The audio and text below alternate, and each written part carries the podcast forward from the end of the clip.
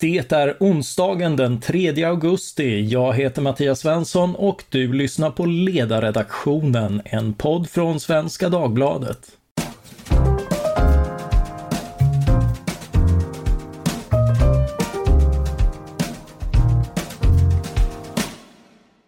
Trots att de har varit ett riksdagsparti i 12 år är det fortfarande en del spänning kring Sverigedemokraterna. Kanske för att de fortfarande är oprövade som regerings och samarbetsparti. Utom i Skåne och en kommun i Blekinge. Här händer det att Sverigedemokraterna styr eller är med och styr.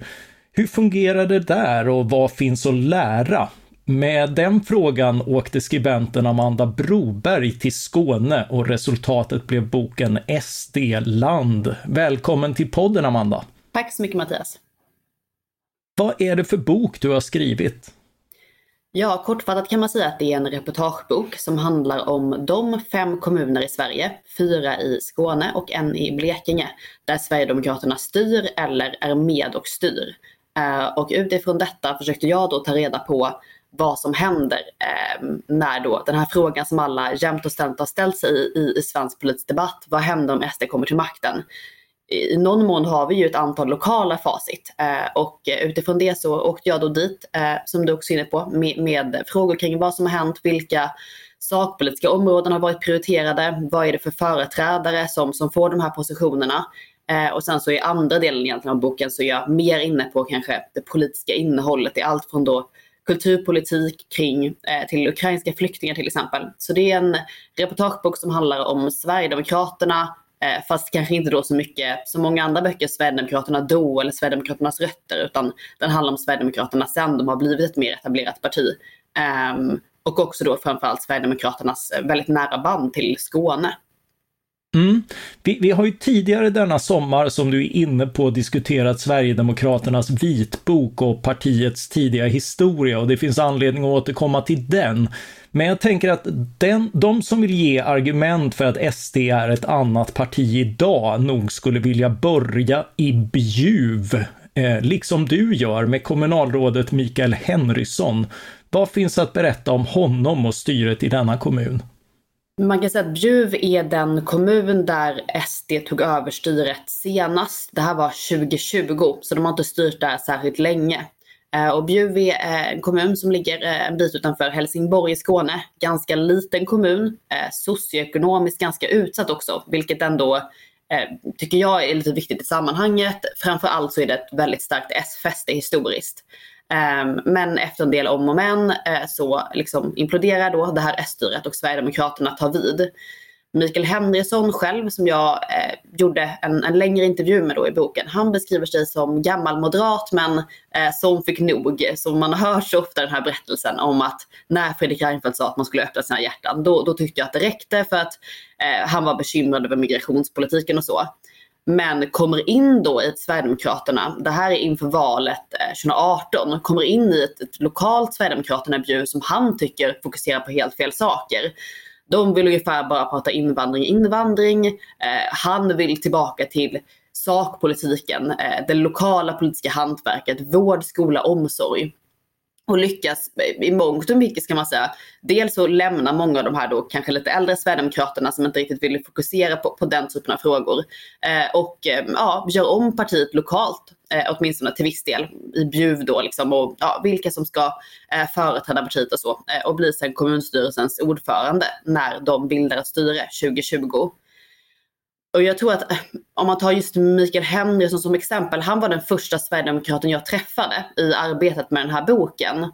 Och det är klart, alltså var man kommer ifrån, om jag bara tänker mitt liksom, politiska medvetande, så har ju Sverigedemokraterna gått på några få år från att vara väldigt stigmatiserat. Några man kanske knappt skulle hälsa på eller prata med eller försöka göra eh, djupintervjuer med för att förstå vad, de, eh, vad deras bevekelsegrunder var.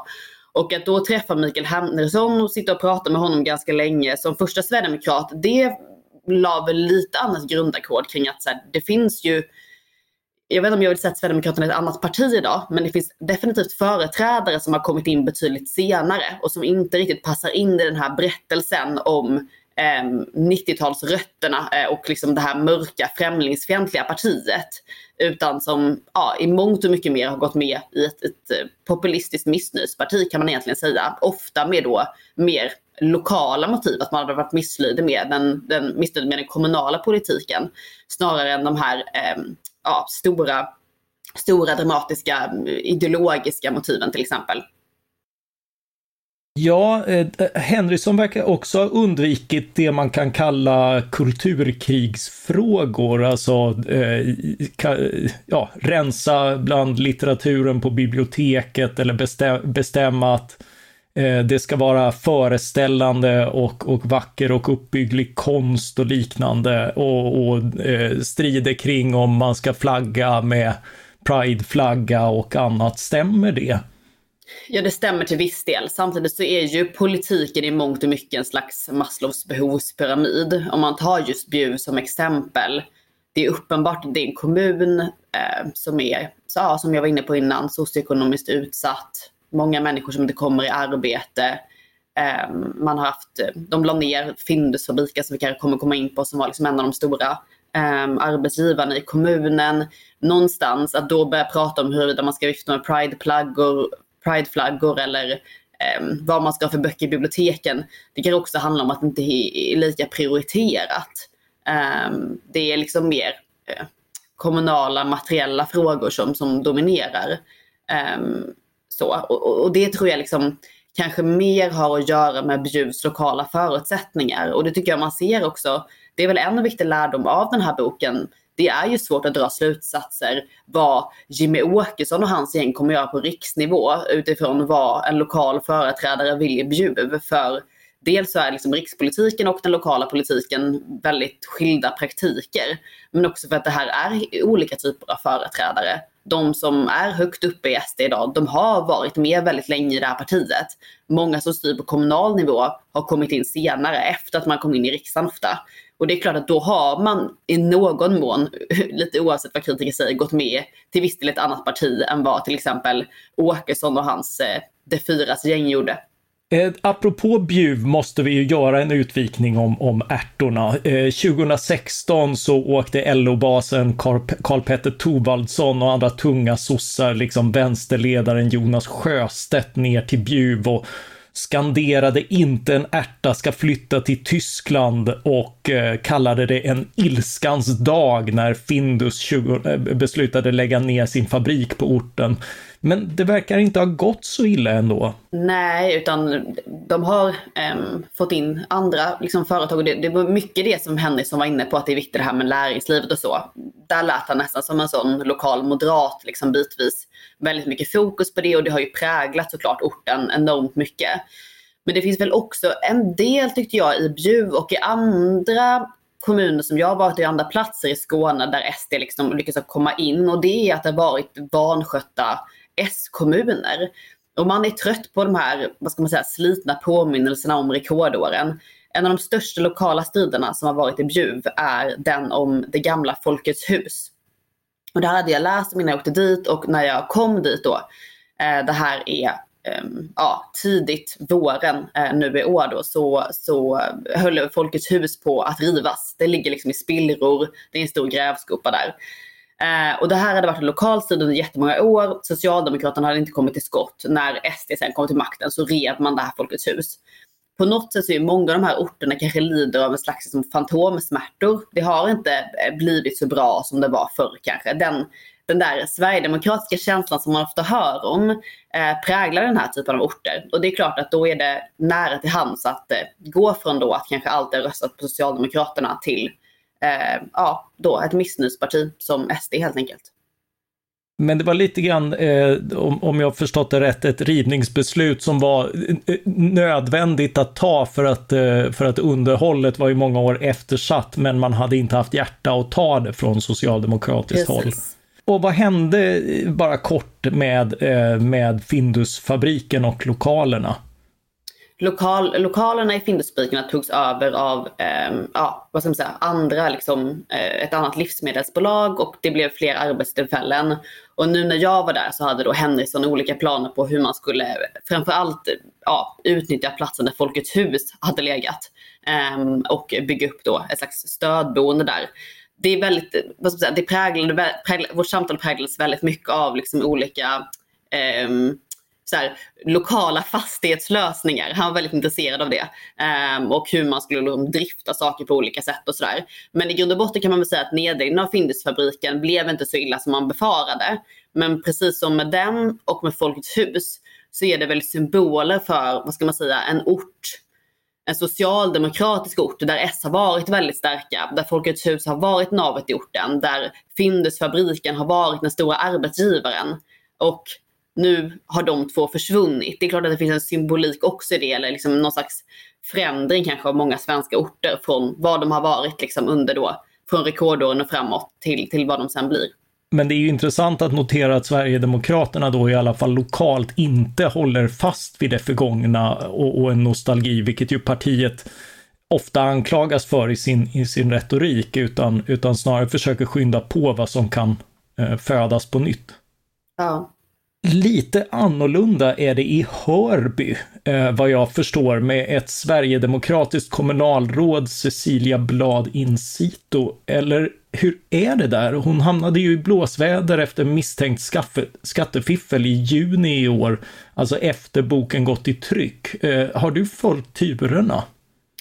Jag har följt turerna lite, um, framförallt de innan och så. Men det man ska ha med sig då är att Cecilia Bladin Sito um, har varit ju enormt ansatt och kritiserad uh, under lång tid. Då har det inte handlat om liksom, um, vad ska man säga, personliga tillkortakommanden på samma sätt. Utan framförallt har det handlat om väldiga slitningar från det att de kom till makten mellan då å ena sidan ja, Sverigedemokraterna som skulle styra eh, och många tjänstemän i förvaltningen. Eh, där man har menat att Sverigedemokraterna har ett nytt sätt att styra, de toppstyr och kör över allting. Det har funnits uppgifter om att Bladin Sito eh, ska ha blivit väldigt arg när hon såg prideflaggor i en offentlig verksamhet på ett möte till exempel. Så där upplever jag att friktionen i styret har varit eh, mycket, mycket större än vad den har varit i till exempel Bjuv. Det har också blivit mycket mer skriverier, inte minst då på det kulturpolitiska området till exempel. Hörby är en väldigt annorlunda kommun gentemot Bjuv ska man också ha med sig. Det är en kommun där de flesta bor utanför tätorten, eh, mycket lantbruk eh, och som betydligt mer ekonomiskt välmående kommun än många av de andra SD-styrda kommunerna. Så det som har hänt i Hörby har väl egentligen varit eh, snarare då eh, någonting som har använts för att visa att det blir kaos helt enkelt när SD kommer till makten. Ja, eh, och, och hur är det, men hon, hon sitter kvar efter den senaste eh, blåsvädret, eller hur, hur, är, hur håller koalitionen med Moderaterna? Koalitionen håller som jag har förstått det. Um, och, men det som har varit egentligen då, hela från det egentligen att de tillträdde, Eh, det är ju då att eh, det har varit väldigt liksom, ja, starka slitningar då mellan eh, tjänstemännen helt enkelt. Och där kan man ju ställa sig frågan, det är ju det som är, vad är hönan och vad är ägget? Är det så att tjänstemän har tyckt att det varit omöjligt att arbeta för Sverigedemokrater? Eller är det så att Sverigedemokraterna har varit väldigt eh, svåra att ha att göra med för förvaltning och tjänstemännen? Och det där är någonting som återkommer i många kommuner. Att rollen eller samspelet mellan att vara förtroendevald och vara tjänsteman och relationen dem emellan. Det är ständigt snårigt och det är inte bara någonting eh, sverigedemokratiskt utan det är nog någonting som finns på många håll runt om i Sverige. Mm, eh, bakgrunden i Hörby måste vi också kort ta upp. Det var, om jag förstår dig rätt, en tidigare stark moderat kommun, men de gjorde en tavla. Precis, de gjorde en eh, väldigt, väldigt stor målning eh, till kommunhuset eh, som beställdes av en eh, känd, känd konstnär som jag nu har tappat namnet på, men en känd skånsk konstnär. Eh, och eh, när den här tavlan då avtäcktes, eh, den föreställer ett liksom, stort antal personer, så visade det sig att den, det dåvarande toppnamnet för Moderaterna eh, var ehm, avmålad bland många andra som en romersk legionär. Och det här väckte då väldigt eh, stark kritik i kommunen. Ja, jo, det var, det var ju att framställa sig lite, lite fel dagar. Du besöker ju flera kommuner, men det går förstås inte att undvika Jimmy Åkessons uppväxtstad Sölvesborg i Blekinge. Där styr Louise Eriksson, Åkessons tidigare sambo. Hur utmärker sig kommunstyret i Sölvesborg? Eh, det man får konstatera är att det nog är ett av de mest framgångsrika styrena. De har styrt längst genom mandatperioden eh, och ehm, har haft en ganska tydlig, omfattande liksom, reformagenda egentligen. Det är 220 punkter som de har haft i det här då, eh, lokala eh, samstyret då, som de kallar det. Där Louise Eriksson då ehm, eh, är kommunstyrelsens ordförande. Och har följt upp mycket, genomfört liksom flera av de här punkterna. Många saker rör sig såklart om små grejer liksom i sammanhanget. Men bland annat då kulturpolitiken har fått eh, väldigt många punkter, stark agenda. Mm, en av punkterna som fått mycket uppmärksamhet är egentligen att man har sagt att eh, när man köper in konst till exempel till kommunen så ska man eh, prioritera lokala och nationella verk framför provocerande samtidskonst, tror jag att formuleringen är. Så en, en Lars Vilks hade haft dåliga chanser i Sölvesborg? Lite så, lite så. Eh, men i grund och botten, Sölvesborg har ju en lite annorlunda bakgrund egentligen än de här andra skånska kommunerna. För även om ST länge har varit starka i Skåne så är Sölvesborg som du är inne på, det är Jimmy Åkessons hemstad. Han kom in i kommunfullmäktige där redan 1998. Eh, där har man varit mer van. Men också där kan man se egentligen att det under lång tid var ett S-styre. Sen när man bytte ut en socialdemokrat som tidigare var KSO mot en annan och den här då förra KSO var väldigt populär. Då blev det liksom egentligen en öppning kan man säga inför då senaste valet. Där eh, Sverigedemokraterna tillsammans med Samstyret kunde komma in då och, och ta över helt enkelt. Så även där har man ett exempel på, på en gammal S-kommun som sen blir mer sverigedemokratisk. Vi hinner inte gå igenom alla kommuner, men finns det något väldigt utmärkande från någon av de övriga du tar upp? Alltså man, ju, man, får ju nämna den enda kommunen som, där SD faktiskt bara är med och styr, men där de inte har en sverigedemokratisk KSO. Och det är ju Staffanstorp då, där Christian Sonesson, moderaten, är kommunstyrelsens ordförande.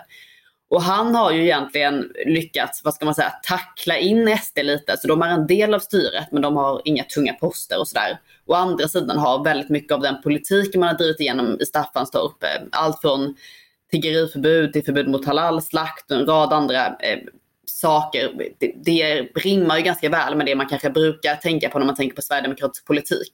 Så på det sättet kan man väl tänka sig att han skulle ha gett eftergifter till SD. Sonesson själv nekar till detta bestämt och säger att det här är moderat politik alla Christian Sonesson. Eh, sa han när jag ställde frågan till honom. Eh, men det är ju ändå en kommun som sticker ut lite. Det intressanta är ju då att av fem kommuner där SD är med och styr så har de lyckats knipa KSO-posten i fyra av dem. Och det säger ju ändå någonting om ja, vad sker då liksom lokalt när Sverigedemokraterna blir stora? Jo, det är inte så att man bara kan ha dem i båten och samarbeta med dem, utan ofta är det de som lyckas ta stafettpinnen och initiativet. Och det där kan väl kännas som ett varnande exempel till de borgerliga som nu även på riksplanet tror att SD kommer vara inom situationstecken lätt att kuva ungefär i ett samarbete.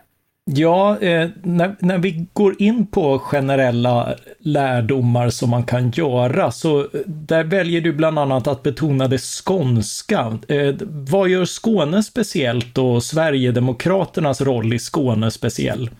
Nej men dels kan man väl säga att om man pratar om Sverigedemokraternas rötter eh, och de här då eh, nazistiska, rasistiska rötterna i liksom extremhögern som finns. Men det finns ju också sverigedemokratiska rötter som handlar om lokala missnöjesrörelser i Skåne. Om man tar en viktig liksom, milstolpe egentligen för Sverigedemokraterna, det är inför valet 2002 när man lyckats komma över 1%-spärren. Och då kan man ju tänka, vad fan spelar det för roll? Men det innebär bland annat att man får eh, alltså Valmyndigheten blir liksom skyldig i valet sen att liksom lägga ut ens valsedlar och så i alla lokaler. Man kommer liksom, ja, man har helt enkelt lättare att delta i valen framöver. Eh, och det här sker på grund av att Sverigedemokraterna gör upp med något som heter Skånes väl, som var en allians av lokala missnöjespartier som hade kommit in i regionen i Skåne valet innan. Och då gick de med på att rösta på Skånes väl till regionen i utbyte mot att Skånes väl var med och finansierade valutskick på nationell nivå för Sverigedemokraterna. Och det här var ett av de första valen där Sverigedemokraterna faktiskt eh, växte ganska avsevärt. Um, också så att många kom från den här typen av lokala missnöjespartier. En viktig del är ju året innan Sverigedemokraternas formella bildande, 88 så eh, folkomröstas det i Sjöbo, en skånsk kommun, om just flyktingmottagande. Eh, där Sverigedemokraterna då eh, också eh, slöt upp liksom i efterhand kring att, att, att eh, det var ett bra initiativ och sådär. Så den här typen av eh, självständighetstanke, ehm, missnöje mot etablissemanget och de där uppe. Det är ju i grund och botten väldigt skånskt. Eh, och det har också speglats i, i Sverigedemokraterna att de har kunnat bli stora där. Men också att många av de här lokala missnöjespartierna lite har gått upp i Sverigedemokraterna allt eftersom tiden har gått. Det sägs ju att, eh, att det som händer i Skåne är vad som kommer att hända i resten av Sverige om, om ungefär tio år och Sverigedemokraternas utveckling synes ju lite grann eh, så här långt bekräfta den tesen. Eh, finns det anledning att, att förvänta sig en liknande utveckling? Ja, till viss del. Det är ju framförallt det är det skåningar som gillar att säga det, ska man undersöka. De, de tycker om att säga att de är eh, kanske två, om inte, om inte en eller två mandatperioder liksom före, före resten av Sverige. Um, många understryker också just det här med närheten till Danmark, dansk politik, att det har varit en viktig inspirationskälla. Men sen ska man också komma ihåg att det handlar inte bara om att Sverige, resten av Sverige blickar mot Skåne och tänker att så ska vi bli. Utan det finns ju också en aspekt som handlar om att Sverigedemokraterna har funnits i Skåne länge och därför kunnat bli mindre stigmatiserade.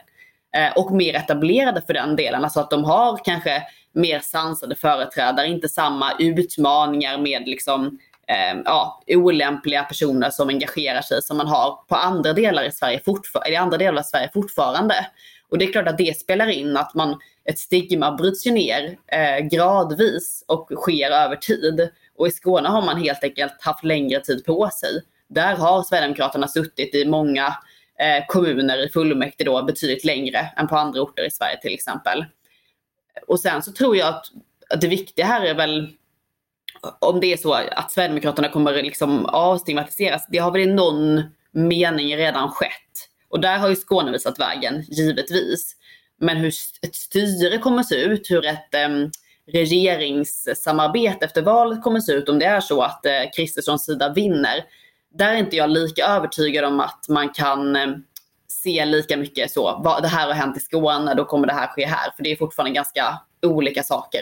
Ja, jag, jag, tänker på det lite grann. Vilka slutsatser kan man dra från din bok om hur Sverigedemokraterna kan komma att agera som regeringsparti eller koalitionspartner på riksnivå? Nej men kortfattat och skämtsamt kan man väl säga att de nog kommer vilja ha, om de vill ha någon statsrådspost så vill de nog ha kulturministerposten. Eh, man får ju ofta höra att Sverigedemokraterna tycker att det är så enormt viktigt med, med flyktingfrågan och det är klart att den utgör en viktig del av partiets DNA. Men när det kommer till liksom synen på svenskhet, eh, vad de vill förändra i vårt land, vad de känner att de har blivit förnekade. Alltså den här känslan av att få vara till exempel nationalister då, eller stolt över sitt Sverige. Den ser de nog väldigt mycket som en kulturpolitisk angelägenhet. Och jag vänder på det där i något skede och säger att för Sverigedemokraterna så är inte kultur en politisk fråga utan eh, politiken är en kulturfråga. Som Mattias Karlsson har sagt det här med att eh, politiken eh, sipprar nedströms från kulturen till exempel.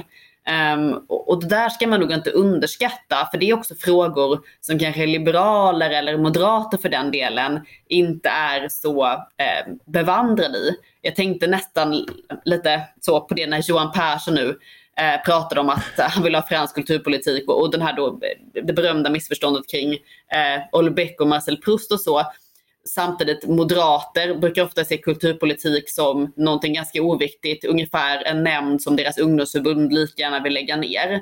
Så där tror jag att både i liksom förståelsen för vad Sverigedemokraterna vill, där kan man nog få en lite en utmaning, ska jag säga, um, i att liksom se vilket kraftfullt verktyg som Sverigedemokraterna betraktar kulturpolitiken som. Ja, och där, vad, vad, finns eh, mer konkret? Vad, vad, har hänt som mest i, i de här kommunerna och vilken, vilken skulle illustrera det? Om man tittar på kultur. Det är nog Sölvesborg. Eh, och där är det liksom allt från ja, men det här med, med, med konsten då till bibliotekspolicy, synen på prideflaggan, men också mindre saker som att det ska bli lättare till exempel. Ja, men man vill uppresa liksom, lokala eh, minnesmärken till exempel. Och någonstans får man nog se allt det här som är liksom små eh, lokala reformer i en större, mycket mer dramatisk ideologisk kontext. Där Sverigedemokrater känner att det de upplever som wokeismen med, med prideflaggan och så, eh, som kommer från liksom 68-rörelsen, de har gjort en lång marsch genom institutionerna Um, och eh, helt enkelt um, ja, tagit sig in och liksom infiltrerat offentligheten och våra offentliga institutioner. Inte minst public service-kritiken tror jag är ett uttryck för detta. Att man menar att liksom det, det vänstervridna har liksom tagit sig innanför murarna eh, och därför så krävs en motrörelse. Eh, samma sak när det gäller det, det, stigma då som de upplever har funnits kring att vara stolt över sitt land eller vilja fira Sverige eller vara stolt över att vara svensk. Eh, också ett uttryck för någonting de känner att det här vänsteretablissemanget liksom har velat ta ifrån dem, att ingen ska få vara svenskt ungefär och så. Um, och där tror jag att det finns en större ideologisk kontext som kan omsättas i vad Sverigedemokraterna vill göra i kulturpolitiken. Som om man ska samarbeta med Sverigedemokraterna så borde man nog vara lite bättre på att begripa liksom, magnituden av den. Jag kanske är fördomsfull, men ändå är det väl kulturtanter, inte minst i storstad och på det förhatliga Södermalm som håller mycket av av också det kulturliv av, av teater, konst, film, traditioner, museer vid liv som Sverigedemokraterna säger sig värna. Eh, ja, det finns en rolig liksom, del i boken och det, uh, det kommer egentligen från en, en, inspelad intervju med Jimmy Åkesson och Louise Eriksson när de var ett par då. Och då frågar eh, Niklas Svensson som är eh, journalist på Expressen Eh, det här är efter att Louise Eriksson har blivit utnämnd till Kultur-Sveriges mäktigaste person av tidskriften Fokus. Och då frågar eh, Svensson Åkesson hur, hur det känns att leva med Kultur-Sveriges mäktigaste person. Eh, och han skrattar lite och rycker på axeln ungefär och säger jag vet inte, vi lyssnar mest på hårdrock hemma. Så, så det får man ju förstå att Sverigedemokraternas kulturpolitiska agenda, det grundar sig inte i eh, något liksom djupodat intresse kanske för eh, konst eller teater, eh, utan snarare så ser man kulturpolitiken som ett verktyg till att återupprätta, återfinna det här stolta hemlandet, eh, de fornstora dagarna och så vidare. Så, så, där kulturpolitiken får bli, det är en bredare bemärkelse liksom egentligen än, än vad man kanske först eh, tänker på när man hör begreppet så att säga. Ja, det vore mig främmande att tala illa om hårdrocken som kulturgärning. Eh, du möter många tidigare moderater som bytt parti. Vad finns att säga om dem och vad anger de för skäl för att byta parti till SD? Jag vet inte om det är jättemånga, men det är klart, det är vanligt ju. Eh, eller det har förekommit. Eh, Mikael Henriksson är ju just ett, exempel. Eh, som, ja, helt enkelt efter liksom, kopplat till migrationsfrågan eh, upplever att nej, nu blev det för mycket. Och många anger just de här nymoderata åren. En annan person jag träffar eh, i, i Hörby, som är, han är kommunfullmäktiges ordförande där, gammal moderat och muffare i grunden. Men som upplever sen att Moderaterna gick i en liberal, eller till och med ultraliberal riktning. Oj. Så det är den här nidbilden liksom av att eh, man tyckte att eh, ja, man blev för, för frihetliga helt enkelt. Ehm, den här liksom, ja, nidberättelsen egentligen som man har hört om de nymoderata åren. Men sen så är det också så att många som har gått med senare anger såklart flyktingkrisen 2015. Att man upplevde att Sverige tog ett för stort ansvar. Och det är ju inte en berättelse som i någon mening enbart är sverigedemokratisk, utan den, den delar ju nog flera partier. Men där kanske det är viktigt att komma ihåg att Sverigedemokraterna har ju alltid varit emot invandring nästan oavsett hur stor den har varit. För att de ser det på ett annat sätt. För de handlar inte det här om att systemen ska klara det, utan för de är ju det här en fråga om eh, krasst nationens överlevnad egentligen. Ja, så är det ju för, för ideologer. Samtidigt så tycker jag mig märka hos Henrysson och en del andra och inte minst när det kommer ukrainska flyktingar att, eh, att, att det finns en, en vilja att skilja på olika slags, olika anledningar till att människor kommer hit och att man eh, inte vill vara emot alla alltid. Nej, precis, det stämmer. Och man kan ju säga att det eh, jag kallar det i boken lite skämsamt eh, då flyktingarna från Ukraina den perfekta flyktingströmmen. Eh, för att för SD är det ju det. De har ju i alla år sagt att nej, vi är minsann inte emot invandrare kategoriskt för vi hjälper gärna flyktingar om de kommer från vårt närområde, om de är kulturellt lika oss och om de är ja, kvinnor och barn gärna och också då kanske har en önskan om att så småningom återvända till sitt land. Det var ju nog väldigt få som trodde att det här skulle infrias de facto att det skulle komma liksom en europeisk flyktingström de närmaste åren. Men efter Putins eh, invasion av Ukraina i februari så, så sker just detta på ett liksom fruktansvärt sätt och eh, många människor flyr, kommer till Sverige bland annat. Eh, och eh, när jag åker runt och frågar Sverigedemokrater, det här är liksom bara någon, någon månad sådär efter invasionen, så svarar de med liksom självklarhet kring att, att ta emot ukrainska flyktingar. Och det här har då föregåtts egentligen av en ganska återigen liksom hastig vändning i partiet där man först sa liksom från Åkessons håll, nej men Sverige är fullt och vi behöver ett andrum även efter invasionen. För att bara några veckor senare säga att nej men ungefär, vi, vi ska väl visst, visst ta emot ukrainska flyktingar. Och det som sker där egentligen är att det föds en ny liksom, beskrivning av det som har hänt. Bland annat Christian Sonesson och Louise Eriksson skriver en debattartikel om det här i Expressen under våren där de gör skillnad eller gör en väldigt tydlig uppdelning då mellan å ena sidan riktiga flyktingar som Oscar Sjöstedt var den första kanske att mynta då i kontexten med ukrainska flyktingar. Eh, och andra sen ekonomiska migranter och menar då att de som har kommit från till exempel Syrien eller Afghanistan som har rest så långt, de har gjort det för att de är ekonomiska migranter som vill åt svenska bidragssystem ungefär. Men de som har kommit från krigets Ukraina, de är då riktiga flyktingar. Så där har man egentligen omformulerat liksom berättelsen. Eh, och där är det ju skillnad på vilka som kommer. Det tycker Sverigedemokraterna onekligen om vi går tillbaka till de avhoppade moderaterna, är de typiska för, för SD? Typiska i den bemärkelsen? Ja, jag vet inte riktigt. Det är klart att det finns ett element av att det kommit in ett tillflöde av personer i Sverigedemokraterna de senaste åren som kommer från andra partier eh, som tycker att liksom, Sverigedemokraterna var de som sa sanningen ungefär. Men jag skulle säga att Sverigedemokraterna i grund och botten är ett väldigt blandat parti. Eh, det är inte heller så att det finns Ja, man vill ju ofta säga liksom att Sverigedemokraterna så här, lutar sig högerut och det har man väl i viss mån, men de har ju heller aldrig tyckt att ekonomiska frågor är så viktiga. Så för den som fortfarande är liksom, i grund och botten är höger så är det svårt att se att liksom, Sverigedemokraterna skulle vara det mest lockande alternativet i svensk politik. Eh, och, och du, du, har redan varit inne på det, att du besöker även Staffanstorp, där Moderaterna är starka, men SD som de samarbetar med är opinionsmässigt svaga. Eh, hur passar de in i boken? Staffanstorp är en väldigt intressant kommun för att det var den första kommunen egentligen. Det här är innan eh, liksom, regeringsbildningen 2018 fullständigt brakar samman. Så alliansen finns i någon formell mening fortfarande när Christian Sonesson inleder det här SD-samarbetet. Och det får väldigt mycket uppmärksamhet, inte minst eh, i riksmedia. Annie Lööf är ute och säger att det här liksom ungefär hotar allianssamarbetet för att varför vill eh, en moderat samarbeta med Sverigedemokraterna framför då sina forna alliansvänner? Så det är lite här det börjar liksom på något sätt. Men det illustrerar ju också den, vad ska man säga, i viss del anpassningen som Moderaterna har gjort efter liksom den sverigedemokratiska berättelsen även i det politiska innehållet. När Christian Sonesson säger det här är moderat politik alla Christian Sonesson och syftar på tiggeriförbud och förbud av halalslakt och slöjförbud. Då är det ju möjligt för att man i viss mån har gjort en resa i den här typen av frågor. Så där tänker jag att ja, det finns ju också en, en dimension som är att eh, många borgerliga partier lite har anpassat sig i det politiska innehållet efter Sverigedemokraterna.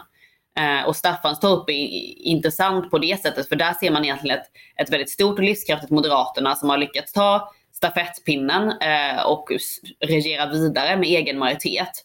Och ett ganska marginaliserat Sverigedemokraterna eh, som i princip, de har inte ens några kommunalrådsposter liksom, i Staffanstorp. Men det som istället har skett är ju att Moderaterna ganska mycket, lite oavsett vad, vad Sonesson säger, tycker jag i alla fall har anpassat eh, det politiska innehållet efter SD. Slutligen, eh, var det något som överraskade dig under arbetet med boken och som kanske fick dig att ompröva vad du tidigare trott om Sverigedemokraterna som parti? Ja, det är många som ställer den här frågan. Nej, inget som är revolutionerande, det kan jag inte påstå. Eh, däremot, någonstans måste man förstå att liksom, det här är ett antal mindre kommuner i Sverige, de flesta är inte större än mediankommunen i Sverige. Det är fortfarande inte så många som lever i en kommun där en sverigedemokrat styr eller där Sverigedemokraterna är med och styr. Och där tycker jag återigen att man måste göra liksom, en distinktion mellan vad sådana här lokala styren, som vi säkerligen, säkerligen kommer se betydligt fler av efter valet i höst, innebär och vad sånt här samarbete på, på riksplanet skulle innebära. Och där försöker jag göra lite medskick i boken kring att jag tycker att de borgerliga borde reflektera mer över det. Alltså istället för att hela tiden betona eh, samsyn i sakpolitiken, energifrågan till exempel, så borde man ju på allvar börja tänka kring, jaha okej, men vad, vad går vi ideologiskt väldigt mycket isär? Eh, vad finns det för faktiska risker? Vad skulle krävas för att man skulle bryta ett sånt här samarbete till exempel? Så jag brukar skämtsamt säga att man kan liksom göra två läsningar av den här boken. Är man mot SD-samarbetet kategoriskt och alltid kommer vara det så kommer man nog tycka att jag eh, är lite för snäll kanske. Eh, tycker man att eh, vi absolut ska ehm, samarbeta med Sverigedemokraterna som stödparti för att kunna eh, få regeringsmakten, få till ett maktskifte till de borgerligas fördel efter valet i höst. Eh, då kan man, man kanske tycka att jag är lite hård och ställer upp lite väl många krav. Men jag tror att det är det är bra ibland att ta en mittenposition också i en sån här polariserande fråga för att försöka nyansera lite. Så Sverigedemokraterna är inte som jag upplever det liksom ett eh, farligt rasistparti som, som hotar Sverige här och nu. Men det är absolut inte problemfritt att samarbeta med dem. Det låter som en anledning att eh, läsa boken och kloka ord att ta med sig. Tack så mycket Amanda Broberg, skribent och författare till den aktuella boken SD-land. Tack så jättemycket. Tack också till alla er som har lyssnat. Vill ni skriva en vitbok om hur vi klarat oss hittills eller rösta på något annat ämne, mejla till ledarsidan svd.se. Producent för det här avsnittet var Jesper Sandström. Jag heter Mattias Svensson och jag hoppas att vi snart hörs igen. Tack för den här gången.